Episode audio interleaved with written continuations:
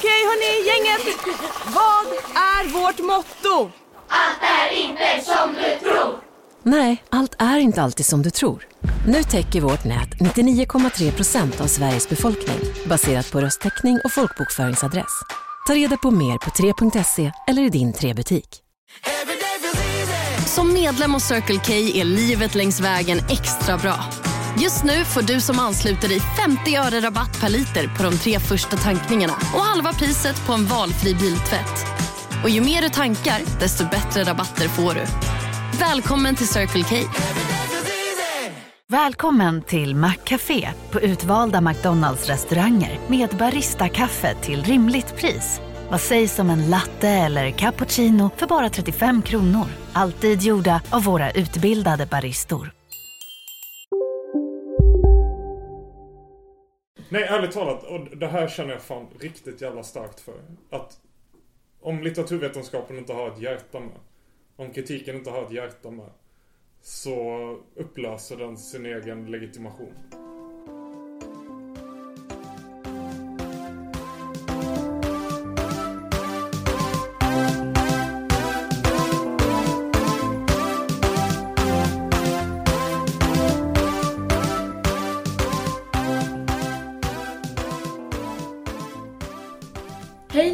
Välkomna till det andra avsnittet av podcasten Gästabudet.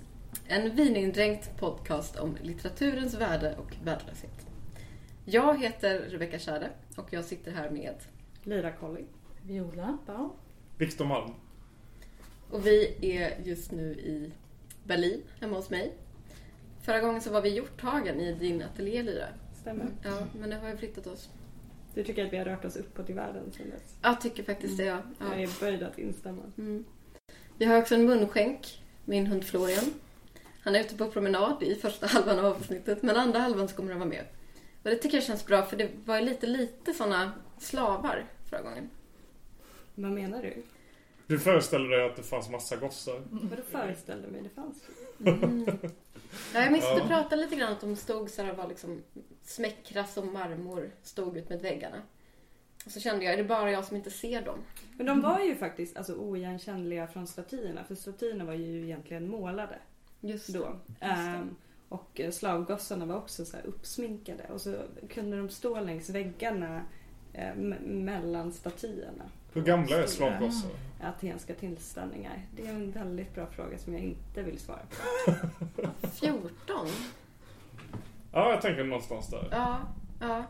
Ja. Jo men att de har liksom kommit i målbrottet men inte så att det har blivit så fult. kommit ur det kanske? Inte innan målbrottet. Innan puberteten. Nej, Inte det är osexigt. Inte det som Men det är vore ju Aten. fel, det vore ju fel Viola. Aten? Ja. Fel. Eh, Men jag undrar hur ni... eh, Hur känns det att vara poddare? Kan ni identifiera... Ursäkta att jag använder det här ordet alltså. Men i någon mening så är det väl det vi är.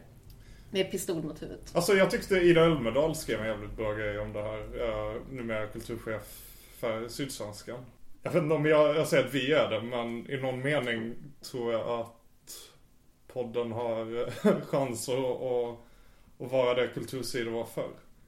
Eh, I meningen att den liksom står utanför kommersiella intressen. Den, den svarar inte på klick eller dagsaktualitet på samma sätt. Utan den är, den är långsam och kommer då och då. Och... Men Viktor, du skrev ju ett mejl till oss och frågade när börjar pengarna rulla in?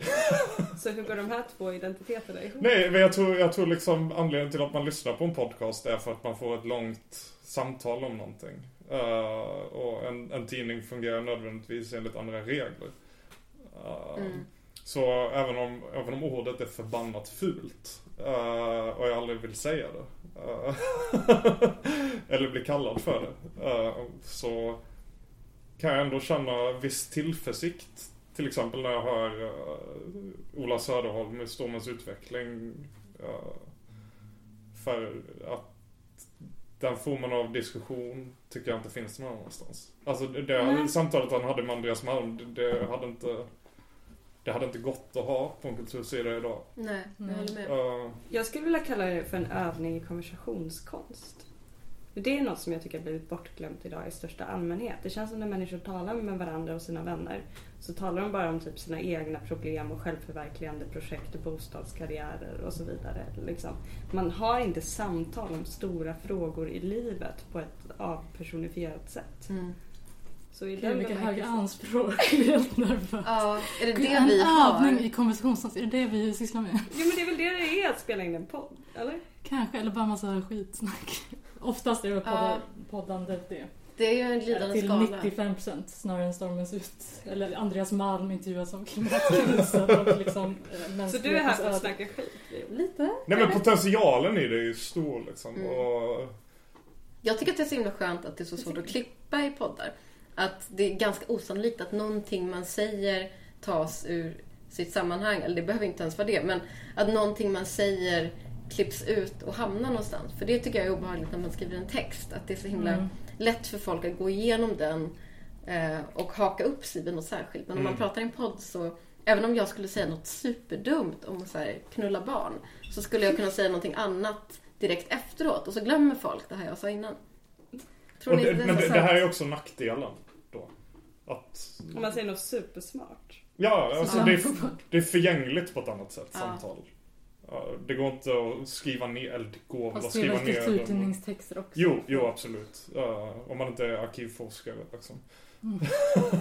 Och det är väl ingen. Eh, men nej, men det, det försvinner på ett annat sätt och det, det, det är så tydligt någonting man konsumerar Ja.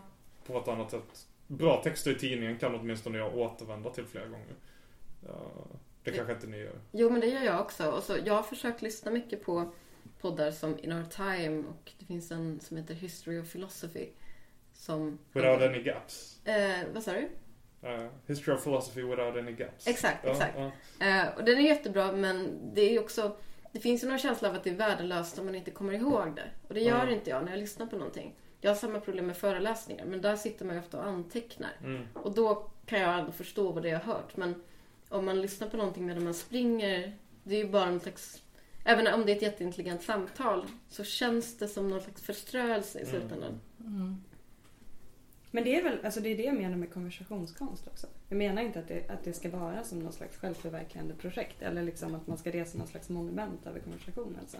Utan det är ju skitsnack men kvalificerat skitsnack. Mm. Ja, jag tycker det är skönare att ha ett utrymme där det inte är så eh, kvalificerat som i en text. Särskilt om man har liksom skrivångest och neuroser. Att, eh, jag vill ju att den här, när jag föreslog den här podden, ville jag att den skulle heta Vår, vår skitpodd och att man bara kunde liksom snacka skit. Och nu sitter du hemma hos Ja, och har en övning i konversationskonst Så jävla Herregud. besviken. Verkligen. Det är värre än att skriva en text. Men jag förstår inte varför du ska ha så himla mycket skrivångest. Du är ju asbra. Men alla har det utom Åh du. gud. Ja. Tror du inte det? Jo, och alla har ångest förutom du. Ja. Det låter som en anklagelse. ja men det Nej, är, det- nej. det är typ- jag känner det är att det var inte fantastiskt. det. Ja. Jag är typ um, fascinerad. Du är den en, du är den... Känner ni att ni medvetet försöker motverka er egen ångest och prestationsångest? Eller lyssnar ni till dem som sanningar? Både och. Nej, jag försöker motverka hela tiden. Men det går Hur inte. motverkar man det? Ingen aning. Man... Ta en Men- promenad. Men jag tänker typ så här, 70% av social ångest, nu höftar jag bara fram en siffra, men består i att man intalar sig själv att man har social ångest. Va? Nej. Det tror jag verkligen inte. Ja. Att man bara, nu, nu kommer det bli en konstig social situation och så upprepar man det liksom, narrativet i huvudet. Typ, nu kommer det här och det här hända, nu kommer, jag är så nervös. Det kan man inte. Och bara, kontrollera. Jag är en neurotisk person som har social ångest. Om man testar och tänker, jag är inte en neurotisk person. Det här kommer gå jättebra om det inte går. Det, så Det här är lite välj lycka eller välj glädje. Ja. Mm. Men jag tror nog att självdisciplin kan ta en äh, ganska långt när det kommer till så saker som i vår tid ses som oövervinnerliga typ sjukdomar som Eller avdisciplinering snarare. Det är väl självdisciplinen som har lett den till ångesten, eller? Ja, fast disciplin och att pressa sig själv är två helt olika saker. Det här sa en terapeut till mig när jag var 19 och det har förändrat Disciplin och att pressa sig själv. Mm. Eh, för att i begreppet disciplin, i det gamla antika begreppet eh, askesis, övning, så ingår liksom eh, en medvetenhet om sina egna begränsningar. Mm. Och pressa sig och- själv och gå utöver dem. Exakt. Ja. Om man pressar sig själv blir man utbränd. Om man är självdisciplinerad så mår man bra. Jag tror att i teorin att det det. är så, precis. Men sen att det är väldigt, väldigt svårt att uppnå det. Ja men det är det ju. Men Ja. man får ju anstränga sig lite. Mm. Men, det Men att bli mycket- vuxen handlar om att lära sig veta skillnaden. Kanske. Ja. Jag tror att jag pressade mig själv kanske under åtta år av mitt vuxna liv. Och, Hur gammal är du egentligen? nej men jag, jag räknar, jag brukar tänka att man föds ungefär när man är 18. Mm. Innan dess är inte livet. Hur gammal är du nu? 28. Så du- så mm, slutade för ett år sedan? Ja, ungefär. Vad hände då? Eh, jag tror jag lärde att, det var Lyra som någon gång sa till mig när jag var väldigt stressad. Att, gud. att jag borde lära mig att ta det lugnt. Vilket är ett eh, mycket mer uh, djupsinnigt råd än det låter som. Det är också en konst. Ja, Det var det jag fattade ungefär vid den tiden och började sprida detta evangelium. ja, Ska vi gå till eh, vårt ämne för veckan kanske? ja. Ja, låt Ja, det låter som att vi spelar in podd varje vecka. För kvartalet. Övningen i Nej konversationsskolan. men Viola. Nej. Ja. Ta det samman. Ja. Ja, temat för dagens, veckans... Man vet inte vad det är för intervall. Kvartalet. Kvartalets avsnitt. Det här är väl vårt säsongen. våravsnitt. Ja, vår, ja, vår, ja, vårens avsnitt. Temat för vårens avsnitt är mästerverk. I viss mån också genialitet. Mm. Men jag tror att det är nog mer mästerverk som intresserar oss. Och det beror på att Viktor läste en artikel i New York Times. New Yorker.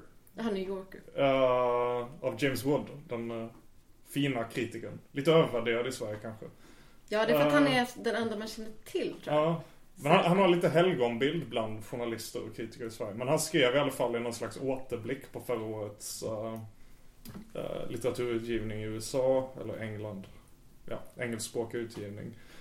Uh, inledde han en artikel med I only encountered one masterpiece last year. Och jag tyckte det var så jävla roligt. Det är så jävla så rolig bild av vad det är att läsa. Det är Ja. som att man är Pac-Man, typ. Mm. Man bara går igenom, man bara går rakt fram och så då och då kommer det ett mästerverk Ja. och slår en i huvudet. Ett rött äpple. Ja, exakt. Och bara, vad menar du? Mm. För jag känner mig obekant med, inte obekant med ordet, men det liksom när det dök upp som en nästan, jag vet inte, ett ord man använder i normala konversationer om litteratur, vilket jag inte riktigt upplever att det är. Uh, inte på det Vad är en sättet. att- normal konversation om litteratur? Ja, men som en vi har nu, kanske. Eller som en man har på eh, runt lunchbordet på en litteraturvetenskaplig institution. Det kanske inte är normal, kanske är fel ord för att beskriva det. Men jag skulle aldrig sitta och säga det. Ja, men förra veckan läste jag ett mästerverk. Jag brukar nog säga det ganska ofta. Är det så? Ja, för att motivera varför jag nästan inte läser någon svensk samtidslitteratur. Att jag föredrar att läsa mästerverk framför andra författare som är lika mediokra som jag själv. Ja. Men, Men det är någonting annat än att liksom eh, hävda att man har läst ett mästerverk. Ja. Alltså det måste komma ifrån någon liksom otrolig position av eh, självförtroende och auktoritet. Liksom. det gör det ju. Och jag- jag kan absolut ligga hemma med Kristina, min flickvän, och säga det här är ett jävla mästerverk. Uh, till Om henne. vadå? Nej men eh, jag läste... ja, nej nu var det nog länge sedan det hände. Jag tror, det, jag, tror jag, jag tror jag... Viola kände ju mig när jag var yngre och mer bombastisk. Eh, Svårt att tro men... och då... då tror jag att jag utropade saker, att saker var mästerverk relativt frekvent. Jag kan i alla fall föreställa mig att jag gjorde det. Men det gör du ju fortfarande, du har ju bara bytt ord. Ja, ja. Du är ju såhär, det här är fan det bästa sen eller som punkt, Ja, punkt. Ja. precis. Du är mycket så här, det här är en av de 20 bästa svenska romanerna sedan 1947. Alltså, du har liksom... Det här är den bästa boken i år i så januari. Ja, Ja. ja, ja men du, jag känner väldigt starkt för saker. ja. Uh, saker jag tycker är väldigt bra känner jag extremt starkt för.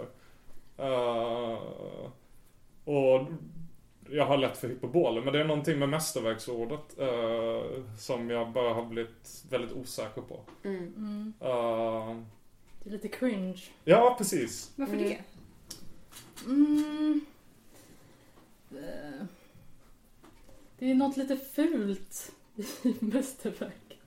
Eller att... ehm, Det har funnits en enorm så här, kanonkritik. Jag antar att jag är liksom skolad i den generationen typ. Eller formad av den. Ehm, Tycker du att det är lite så här lågklass eller dålig smak att säga vilket mästerverk? Nej, men snarare att man typ gör anspråk på en liksom objektiv position på något sätt. Eh, som är så här, någon slags transcendental litteraturkritisk eh, utsagopunkt typ. Som man inte kan claima. Kanske dålig. Kanske, jag tänker att kanske kommer från någon mer modest syn på sig vad litteraturkritik är. Att Mm. inte ehm, att inte liksom kasta sig med det begreppet så mycket. Eh, samtidigt gör ju alla det hela tiden. Och om inte litteraturkritiken ska göra det, vem ska då göra det? eh, ingen. Eller jag vet inte. Så alla så här mediokra verk ska simma omkring och blocka sikten för de verkligt geniala texterna på något sätt. Vet inte, men Jag tycker det låter sorgligt. men. Läs din text. ehm, smooth övergång här. Smooth övergång. I don't know, but. Heter det segway-podd? Säger inte alla snubbar det som har podd? Segway. Segway. Jag tänker bara på den man åker. Men jag Ja, tror ja, att det är ja. ett uttryck för någonting går över till något annat. Som så här, man håller på med i media. Ja, Ja, mm. det här var en Alltså, jättedålig segway. Ja, övergång. Intressant att du nämner mästerverk. Apropå det eh, så...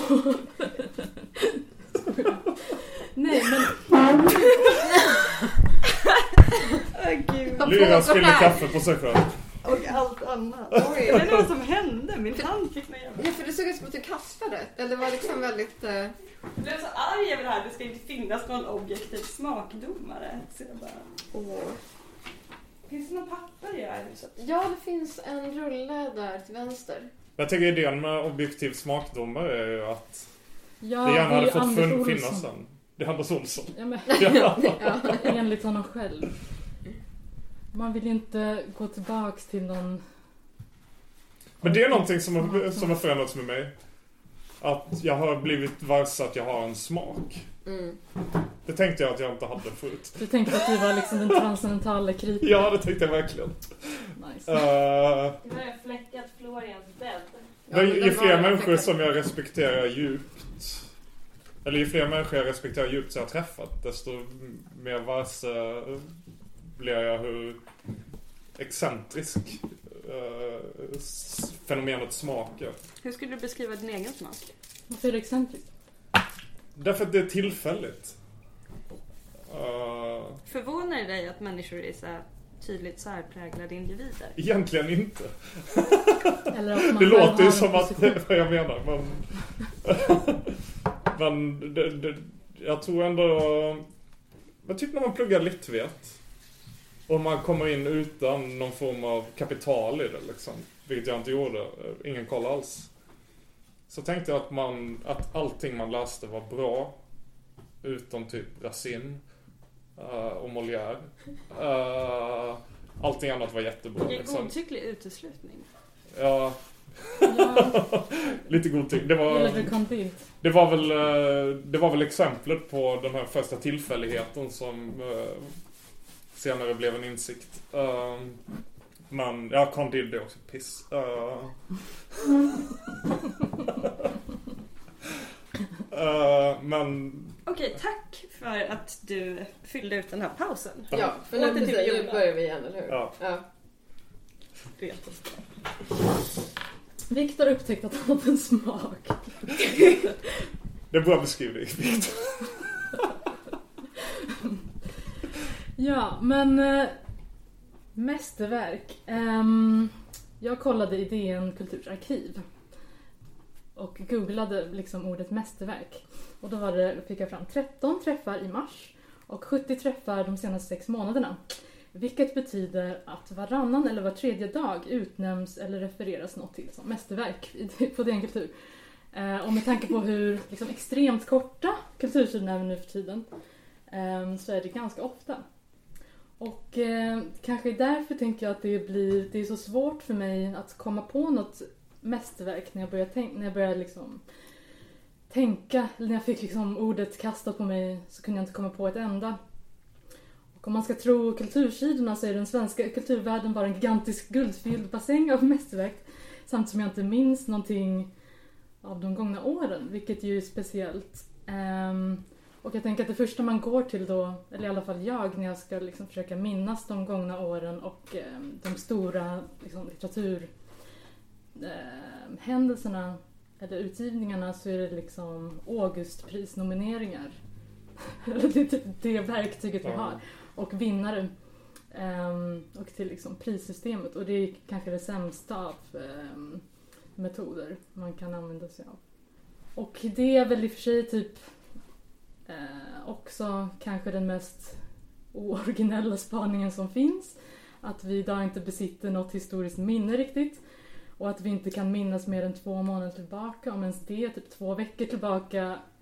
Om jag ska försöka dra mig till minnes vad som skrevs på Kultursidan för två veckor sedan så är det ändå svårt att minnas det. Jag har ingen aning. Eh, Nej. Nej, jag heller, men jag har inte läst. något om klimatet eftersom de har skrivit om det. Det är. De Det är senaste- en säker gissning. Eh, en krönika om dagen i den kultur det senaste året. Men utöver det, nej. Ehm, och jag var nyss på ett eh, amerikanskt universitet och träffade en 90-årig litteraturprofessor som har varit med ett tag. Och eh, han sa att om man kollar notapparaterna i artiklar och eh, forskning som skrivs idag så är alla referenser nästan från de senaste fem åren. Eh, vilket inte liksom har varit fallet eh, Mm. tidigare. Och det tycker jag man liksom ser på många håll. Väldigt tydligt inom akademin, inom samtida teori. Kanske, eh, ja, och ehm, såklart i litteraturvärlden också. Och i en sån situation är det såklart lätt och lockande att ropa domedag, vilket många väl också gör ständigt och sen glömmer att de har gjort det. Eh, och sen gör de det igen så ett år senare som det vore nytt, vilket väl är... Eh, Pratar du om mig? Kanske, men också typ alla som varit med i en kritikdebatt de senaste typ, tio åren och har samma spaning. Vi pratar om oss. Eh, pratar om sig själv också. Ja, ja, absolut. Men i en sån situation är det såklart eh, väldigt lätt att liksom greppa efter den klassiska västerländska kanon. Eh, eller att det är lockande att gå tillbaks dit. Eh, Strindberg, Joyce, bla bla. Och återerövra mästerverken. Ska du skjuta vår fortsatta hela diskussion i sank nu i inledningen? Va? Jag vet Nej, jag inte. känner att det kommer ett men här. Jaha, ehm, får se. Jag vet inte vad du syftar på.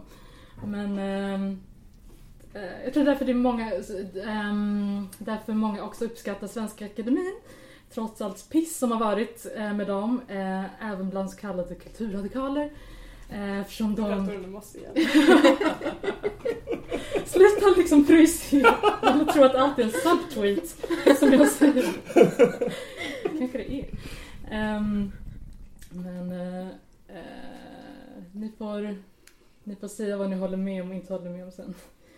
Men eh, eh, ja, och dess bevarande av eh, kulturellt minne och vårdande av kanon som ju ändå är ganska liksom eh, unikt eh, och ses som en motpol till en Alltså det är en väldigt unik liksom, eh, institution i eh, vår kulturvärld och ses som en motpol till en samtida tendens mot liksom, total kulturell glömska och eh, kort, eh, ett totalt kort minne.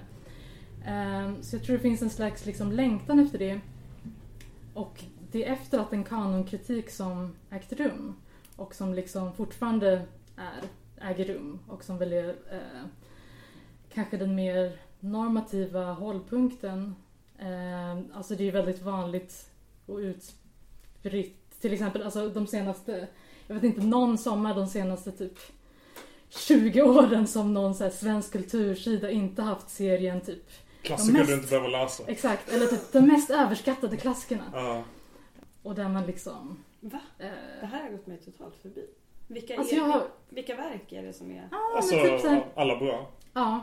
Och, eller liksom... Typ slösa inte bort den här sommaren på att läsa på spaning för en tid som flytt. Läs Den skulle nog ingen våga säga. Men Ulysses brukar Nej, dyka upp. ja exakt. Ja, Ulysses. Men den är ju dålig. Nej. Nej, du har fel Men du vet så här kittlande artiklar som så här är lite roliga. Typ när man säger att Ulysses är stuntikos och långtråkig. Och man bara, det är inte fucking kittlande att säga det. Eh, eller typ så här anteckningar från källarhålet handlar om så här incel som eh, borde klippa sig. Eller typ att Gösta Berling har en djupgående narcissistisk personlighetsstörning och så vidare. Och som får lite reaktioner och är lite känns lite järva typ.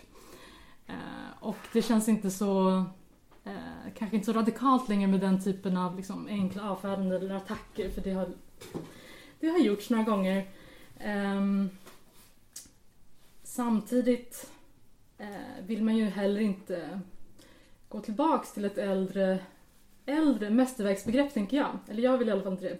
Och man hatar ju också Eh, alltså, alltså mästerverk är för mig ganska nära eh, mästerskap. Som ligger nära liksom geni och genimyten. Och eh, jag tänker att kanonkritiken också har eh, varit väldigt eh, fruktbar och liksom ägt rum av en anledning. Alltså, eh, vi kan ju inte ha en syn på kulturhistoria i Sverige som är helt europeisk och västerländsk eller bara består av män. Och jag tycker ju själv också att mest det finns någonting, eller ja, det finns väl något lite sjukt, tycker jag, i så här mästerverksbegreppet. Och det är väl för att jag är en del av den kanonkritiska tidevarvet, eller eh, så. Eh, alltså att det eh, bygger på en idé om tidslöshet och därmed också historielöshet.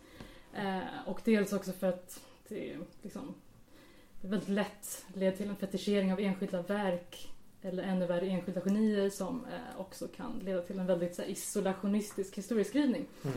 Ehm, där man liksom till exempel kan gå på utställningar på moderna museer och se typ eh, Malevich eller något med massa trevliga överklasstanter från Östermalm utan att behöva liksom ägna en tanke åt, åt hans rötter i så här, eh, suprematismen och ryska Hej, Susanne Axel här. När du gör som jag och listar dig på en av Krys vårdcentraler får du en fast läkarkontakt som kan din sjukdomshistoria. Du får träffa erfarna specialister, tillgång till lättakuten och så kan du chatta med vårdpersonalen. Så gör ditt viktigaste val idag, listar dig hos Kry. Big Mac har miljarder fans över hela världen. Under mer än 50 år har den skapat popkulturell historia. En legend med 100% nötkött och den mytomspunna såsen. Nu finns Big Mac för bara 39 kronor på McDonalds. Hej, Synoptik här. Livet med glasögon ska vara bekymmersfritt. Därför får du 30% på alla glasögon när du väljer Synoptik All Inclusive. All service ingår alltid. Välkommen till Synoptik. Det blev dekor liksom. Ja, Ja. eh, och ehm, total liksom, historielöshet också. Mm, mm. Och eh, det här tycker jag man också kan se när geni eller mästerverksetiketten strategiskt approprieras av, ibland, inte alltid, eh, eller tillskrivs kvinnor eller eh, personer från minoritetsgrupper. Eh, alltså att det är någonting med själva begreppet eller idén som alltid löper risken att isolera det man beskriver. Typ Marie tycker jag är ett sånt eh, ganska bra exempel. Eh, som liksom jag tycker hon har beskrivits ganska konstigt i liksom ehm, de senaste ja, jag vet inte, 15 åren. Mm. Så att hon kallas ett geni och ett underbarn av folk som Horace Engdahl. Och eh, den där dokumentären av henne, jag, kommer inte, jag vet inte om ni såg Jo, jo. Mm. Jag tror den hette såhär, jag kallades, jag var ett geni eller något sånt. Det var, jag, det, det var jag som var ett geni, eller det är Ja. jag som är ett geni. Och det var Ja. väl ett citat säkert, Mm, mm. men ändå eh, känns lite symptomatiskt typ. Eh, För det är väldigt, alltså, Folk som har tagit livet av sig är ju väldigt... eh, Exakt, ja, enkla. Ja, Man ser ju den berättelsen. Mm. Ehm, ja men typ att hon föddes i Göteborg, hon dök upp från ingenstans och att hennes språk är helt ojämförligt och utan motstycke och att hon typ skriver intuitivt som ett naturbarn och inifrån en isolerad stjärna. Um, medans Eh, hon ju själva verket springer ur jättemånga traditioner och miljöer. Alltså punken, for one. Eh, gotiken, Hollywood-skräckfilm. Ja. Hon har verkligen så här Trotsig. filmiskt, hollywoodeskt eh, skrivsätt. Ja, trotsig. Inge Edelfelt, Åsa Nelvin. Ja. Ehm, och eh, så. Eh, en annan jag tänkte på var också den amerikansk-koreanska poeten Therese Hakuncha som också eh, dog väldigt ung. Eh, eh, hon blev också mördad vilket också ehm, eller Mark Andrew blev inte mördad men hon blev mördad. Eh, vilket ju också gör henne väldigt tacksam. Alltså hon beskrivs också som en udda geni som liksom skrev eh, avantgardistiskt eh, om så här, jättekonstiga eh, saker med så här, eh, olika mytelement och eh, koreanska gudar och eh, gjorde en massa experimentell film eh, ganska så här, isolerat från eh, dels en så här, koreansk-amerikansk eh, community hon tillhörde men också eh, en avantgardistisk tradition. Så frågan är, eh, jag tänker att man behöver mästerverksbegreppet men man vill samtidigt inte tillbaks till typ Horace Engdahls mästerverksbegrepp. Eh, och eh, frågan är vad man ska göra om man både vill liksom undvika eh, den värld av liksom kulturhistorisk glömska och å ena sidan ha ett begrepp av mästerverk som inte isolerar verk ur sin historiska kontext och som heller inte är blind för de historiska och politiska strukturer som tillskriver vissa saker kulturellt värde och vissa grupper, eh, författare, eh, ofta europeiska män, eh, kulturellt värde och andra personer och eh, saker inte det. Så vad tänker ni att... Enkel fråga! Hur ska Men- vi nu lösa det här Exakt. problemet? Jag är ganska överens med det här men jag tänker mig att du inte är det Lyra. Nej, jag tror Lyra inte är det. Men jag... Ja. Men jag vill bara Eller? säga, alltså, någonting som jag tänker på i, i den här genren, på liksom ett... Eh, för jag, jag tror att vi alla, när vi har pratat om det här innan så har alla varit överens på något sätt om existensen av mästerverk. Och att begreppet, kanske inte exakt det begreppet, men någonting motsvarande. Exceptionell litteratur. Ja, precis. Eller konst eller vad det nu kan vara. Men det här... För jag är också som du Viola väldigt uppvuxen i den här kanonkritiska traditionen. Och då har man ju en ganska liksom, eh, väl uppövad blick för ett väldigt okritiskt affirmerande av saker och ting. Och jag tror att det mest fascinerande exemplet jag känner till i den genren är Mattias Karlssons vurm för folkmusik. Alltså Sverigedemokraternas, eh, jag vet inte vad han är nu, men nu tror jag att han har hoppat av. Men ja, högt uppsatt inom Ja, Sverigedemokraterna. han är tankesmidare nu tror jag. Ja, det är han kanske. Ja. Pappaledig eller något. Tankesmedjande pappaledig. Ja. Tankesmed och far. Ja, tankesmed och far. Tankesmed och far. Specifika epitet. Ja, För eh, folkhemmet. precis. Nej, men han är väldigt, personligen är han väldigt, väldigt intresserad av folkmusik. Och eh, ja, men då föreställer liksom svenska traditioner som han tycker är extremt viktiga att bevara. Och på Sverigedemokraternas olika partidagar och sånt så är det ofta ett antal sådana evenemang. Det är liksom folkmusikgrupper som spelar och sådär. Sen har de haft väldiga problem med det för det finns otroligt få folkmusiker i Sverige som är eh, nationalister. Tvärtom så är de jävligt flummiga och jävligt vänster. Och eh, ja, men det är hippies liksom. Men det finns väl tre kanske och de brukar spela på Sverigedemokraternas partidagar. Och som jag har förstått det så kommer det liksom ingen. Alltså alla lyssnar på Jimmy Åkessons band eh, med den här fula killen från Noise eh, som spelar Va? typ... Ja, Är han med där? ja, Shit. ja visst. Eh, Inte den pappan. ja. Rebecka, vart är det här på Ja, nej men det, det, det som jag tycker det här säger någonting om på något sätt. Det här, det här är väl kanske det mest liksom, okritiska affirmerande av tradition jag kan föreställa mig. Liksom. Eh, och så är man helt tondöv för att det här i någon mening har spelat ut sin roll. Så att säga. För folk bryr sig inte. Det är inte folkmusik det längre. är inte folkmusik. Liksom. Eh, och jag, jag tänker att eh, det finns ett sätt att betrakta mästerverk och kvalitet som påminner om det här. Liksom. Det, där man tänker att förut så fanns det ett begrepp om detta och det var sant. Och nu har det urholkats. Och så ska man försöka utan någon som helst känslighet inför den nuvarande historiska situationen ska man försöka eh, inlämna det här i det rådande. Vad som än krävs. Och det, det går bara inte. Liksom.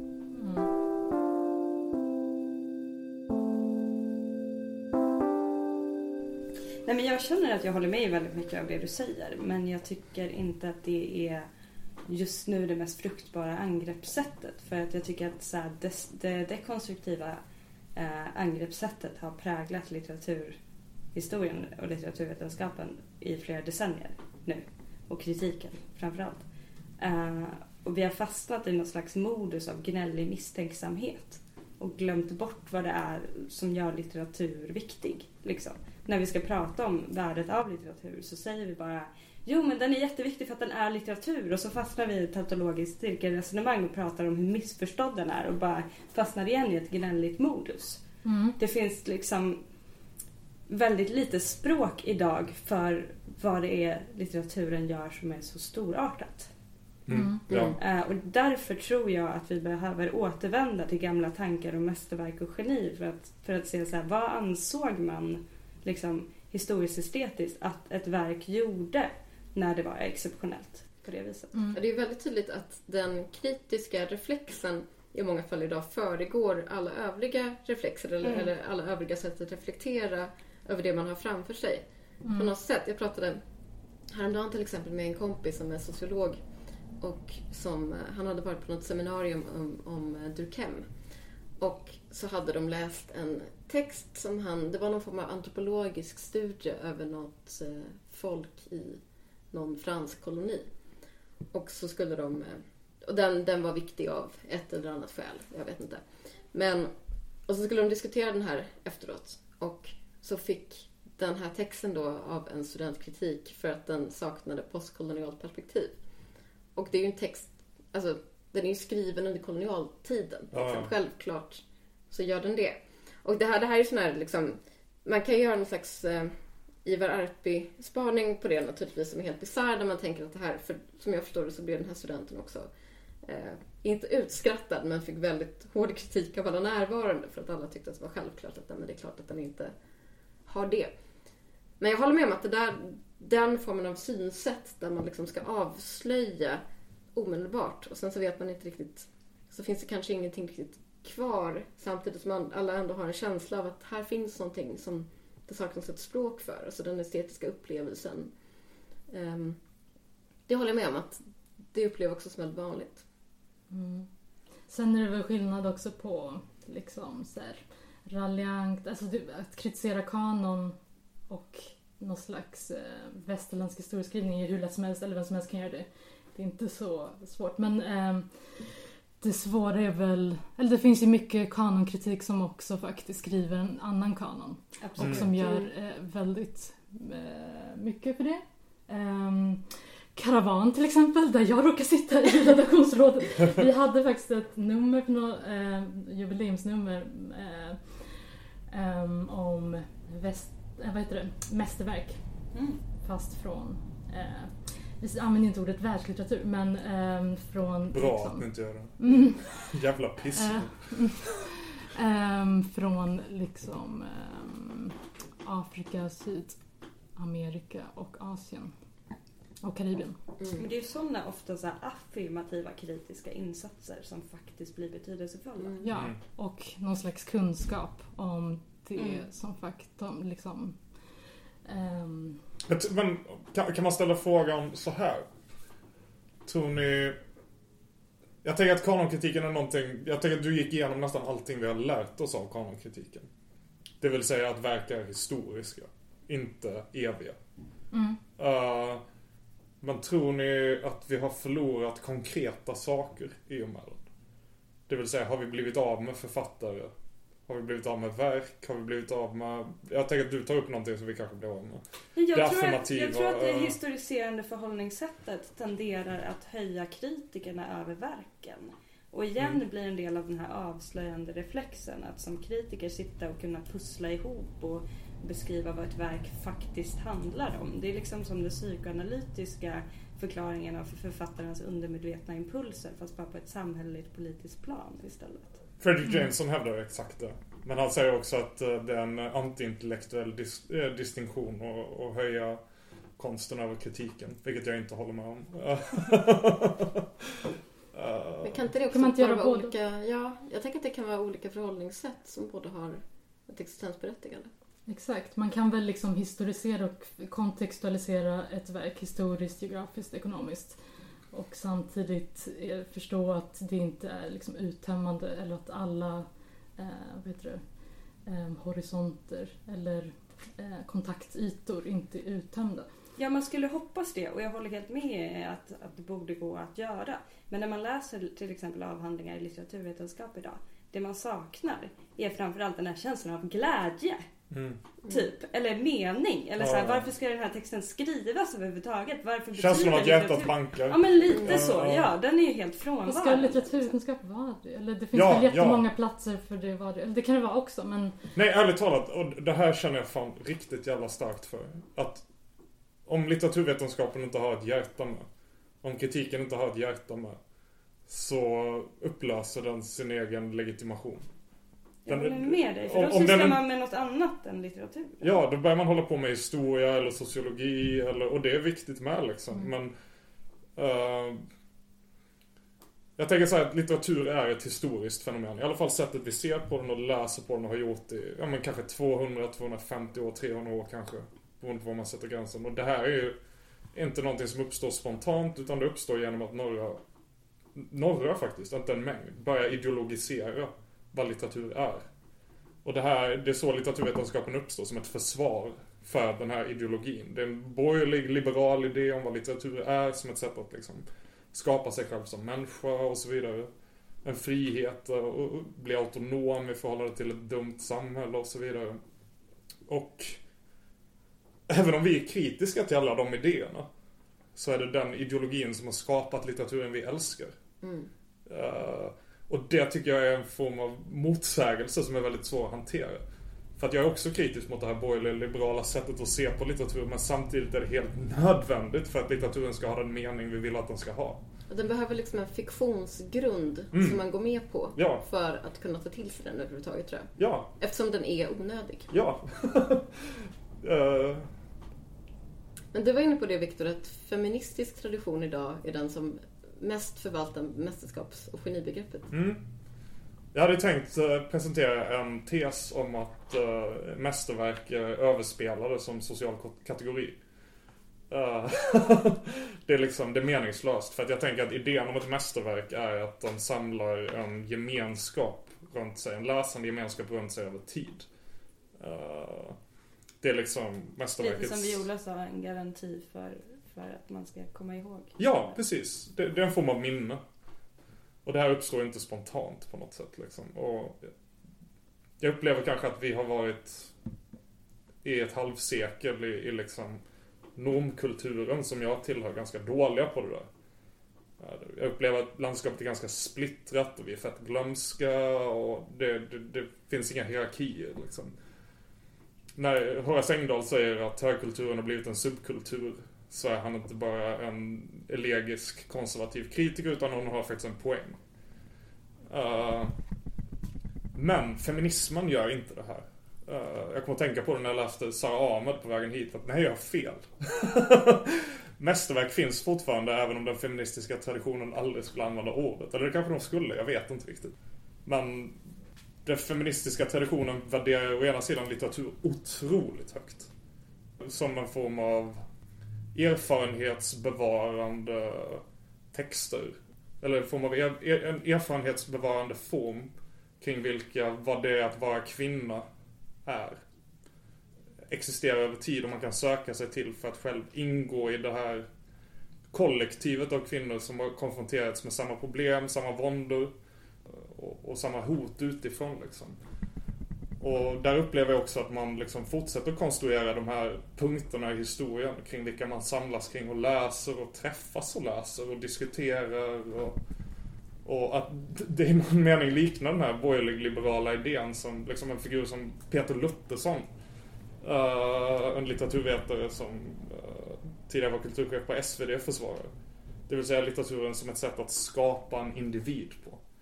Eh, ett frihetsprojekt, att erövra sin egen subjektivitet och att, att jag nästan sätter hela min tilltro till mm, litteraturen som meningsfull social existens till feminismen. Slog det mig på bussen hit. Mm. För de är de enda som driver det här. Uh, och, och, och de säger jag också. Och, och det gör jag faktiskt medvetet. och, och att jag är väldigt, väldigt glad för det. Men det får mig samtidigt också mer och mer att sympatisera med den här något mer konservativa litteratursynen. Uh, som jag, jag tror att en radikalitet jag ibland sveper om mig själv blir meningslös utan. Mm. Uh, Tänker du att det är inom, eh, du pratar om typ feministiska litteraturvetare? Ja, kanske inte främst feministiska litteraturvetare utan feministiska läsare. Mm. Och feministiska kritiker. Sara Ahmed är väl, är väl en fin figur i den meningen att hon, hon går på linjen mellan de båda. Liksom. Att hon, mm. hon är mer en offentlig intellektuell eller någon som vill komma, kom, hon är liksom inte Irigare eller Butler. Mm. Hon är enkel, hon är tillgänglig och Skrivet litterärt. Ja, precis. Och använder många litterära referenser. Men där finns det också, tänker jag, nästan ett horisontellt perspektiv. Att det handlar mycket om att lyfta kvinnor som har gjort saker, både idag och då. Och att när man lyfter till exempel, alltså det kan ju vara till och med typ Virginia Woolf, så tänker jag att feminister tänker lite grann på något plan, det kunde varit jag. Mm. Att det inte finns den sortens beundran. Um, eller det, det, liksom, det, är klart det finns en enorm beundran, men jag tror att det är inte lika stark fetischisering av personen som har skrivit mästerverket, utan det handlar också om att tänka på något sätt att uh, Ja, att, att inte... Att lyfta fram kvinnor som inte har blivit så helgonförklarade som de skulle kunna ha blivit. Mm. Det är ett mm. liberal individualistiskt genibegrepp som på något sätt knyter an till ens eget självförverkligande projekt. Samtidigt som det har en kollektiv funktion. Ja, mm. precis. Både och. För att man vill, ju, man vill ju mötas i det också. Tänker jag. Mm. Man vill tänka att någon skulle göra så till en själv också. Jag tror mm. att det finns någon form av solidaritet i mm. det också. Absolut. Men sen kan det bli, alltså, som Viola var inne på. Jag läste um, en fruktansvärt hemsk bok nyligen. Eh, om, eh, om, om vanor. En amerikansk, eh, lite sån populärvetenskaplig självhjälpsbok om hur vanor uppstår och vidmakthålls. Och det var nästan det värsta jag läst i, den här genren. Um, ja, men använda ett liberalt subjekt för att förklara ett historiskt skeende det var så här, medborgarrättsrörelsen. Den startade när Rosa Parks vägrade flytta på sig. Mm. Samtliga stora amerikanska företag, de startade för att eh, eh VDn Walter oh, stod hemma i trädgården och spelade baseball med sin son och fick en idé. En äpplig huvud. Mm. det var liksom en äpplig huvud genom en hel bok. Alltså, mm. det var helt sinnessjukt. Liksom. Ja. Nelson Mandela. Ja, precis. Och där finns ju det som du pratade om, det här liksom, det obefläckade geniet som på något sätt föder fram ett mästerverk. Och jag, jag tror att det finns en märklig... Idag så på något sätt så, som vi pratade om, avseendereflexen är så himla stark. Och då kan man tro att man har kommit ifrån det där. Men samtidigt så, jag tycker när, när man bläddrar i kultur... Eh, när man läser kultursidor idag så finns det ofta någon lite ohelig allians av genikult och dekonstruktion. Att det kan vara liksom såna eh, genireportage om personer som dekonstruerar. Att liksom feminister eller typ rasifierade personer som lyfts fram som så här, den som bryter tystnaden, den mm. som bryter normen. Ja. Så jag, jag, tänker att... Eh... Det är ju för att uh, förlagens marknadsföringsavdelningar har blivit fantastiska. Ja. Eller? De är ju starkare än kritiken. Hur stort utrymme får en intervju med en författare som, ja men när Kemiri eller Stridsberg kommer med en bok liksom. Mm. Intervjun med dem är ju en del av förlagens marknadsföring. Ingenting annat. Mm. Jag tycker att liksom en, en kultursidorna bör i största möjliga utsträckning inte ha sånt med. Alls. Uh, Så menar du att när författare blir intervjuade så säger vi bara saker som förlagen vill att Nej, nej, absolut inte. Absolut inte. Inte medvetet i alla fall. Eh. Men att författaren som, förlaget har väl hänsyn till författaren som gestalt. Absolut. Och har någon slags helhetsbild av varumärket. Men det är ju författaren som pratar med journalisten. Ja, och de flesta författare är intelligenta. Och de flesta författare är intressanta och har tänkt igenom det verk de ska presentera för offentligheten. Och författaren kommer ju ha den bästa idén och kunna prata bäst om det här. Gör, kunna göra folk intresserade av det. Kanske det finns en skicklig marknadsförare, kanske, jag tror inte det, som hade kunnat göra det bättre. Men det är ju fortfarande en form av att föra en vara till marknaden. Det är det. Och bli intervjuad i, i, i, i DN. Och Böcker är ju tränger- varor. Ja, ja, det- ja det är de ju. Och, och kritikens funktion, eller kultursidans funktion, är ju att bjuda motstånd mot det marknadsförande. Så du tycker inte att en recension är ett utvärderande av en vara? Det är det absolut. Men det där är- tycker jag är intressant. Jag läste Gertrude Steins essä Vad är ett mästerverk och varför finns det så få? Nu inför det här avsnittet. Och hon menar att man bara kan skapa... Hon, eh, hon tycker att problemet för skrivandet är minne, tid och identitet. Och att det är bara när man träder ut ur det som man kan skapa ett mästerverk.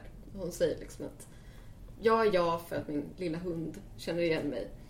Eh, och så länge min lilla hund känner igen mig så kan inte jag skapa ett mästerverk. Att just det här liksom fokuset på ens person eh, som ju kommer naturligtvis både inifrån och utifrån på ett väldigt komplext sätt. Det är i sig, det, det är inte kompatibelt med mästerverk. Jag förstår inte exakt vad hon menar, men hon pratar väldigt länge om det i alla fall. Men det låter lite som att man måste liksom avsäga sig egot i någon nästan buddhistisk bemärkelse. Bli Eller någon, form av transcendens i alla fall. Mm. Men det, är ju, det här är ju också modernistisk ideologi i någon Oh, ja. mening. Ja. Eh, Att mästerverket är kopplingen till det absoluta och därmed en avsubjektifiering i någon mening. Ja. Liksom, det kan inte ha att göra med den enskilda skaparen bara utan man blir en förmedlande länk. Det är orfiskt liksom. Precis, och det handlar väl om att gå Eh, upp på någon form av Fan fult det är på skånska. Orfiskt. Orfiskt! Men Stein eh, skriver ju också i eh, Alice B. Toklas självbiografi att Alice B. Toklas hörde klockor ringa när hon träffade genier. Och det här hände bara två gånger. När hon träffade Hemingway och när hon träffade Gertrude Stein. Otippat att hon tycker att... Och, Så och den det ena kanske är sann. Det är Hemingway som är geniet. Ja, exakt. Fuck you. Nej men det här, Nej, men så är, det här är ju en otroligt så här skulle- ja. personifierad, relationifierad, liksom lokal på något sätt gestaltning av genialitet. Ja. Alltså att i deras true love på något sätt mellan de här två otroligt specifika individerna så uppstår förnimmelsen av genialitet. Så de här sakerna säger emot varandra lite. Mm. Eller? Jo. Mm. Fast man Ja, kan de också är- bli naken och egolös Jag, jag, jag tror att Gertrude Stein i allra högsta grad betraktar sig själv som ett geni. Absolut. Men däremot så behöver inte det betyda att hon anser sig ha skrivit ett mästerverk. Det tror jag också i och för sig att hon gör. Men... eh, Men eh, hon har någon, eh, någonting, en form av mästerverk, eller någonting jag tycker om att tänka på som mästerverk är det misslyckade försöket. eh, som blev storartat. Jag tänker, jag ska, jag ska inte ljuga och säga att jag har läst hela noggrant. Men alltså, Making of Americans, Making of the Americans. Vad The? Making of Americans. The Making of Americans av Gertrude Stein. Det är ju bland det mest svindlande som någonsin har skrivits. Den är så sjuk den boken.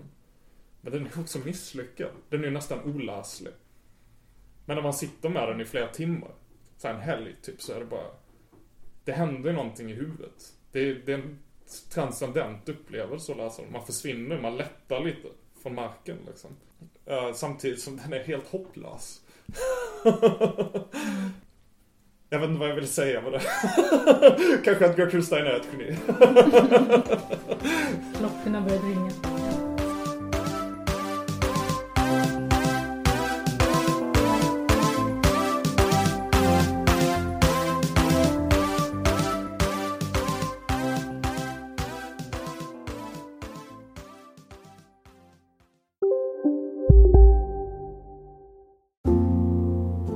Ska några små tassar flytta in hos dig.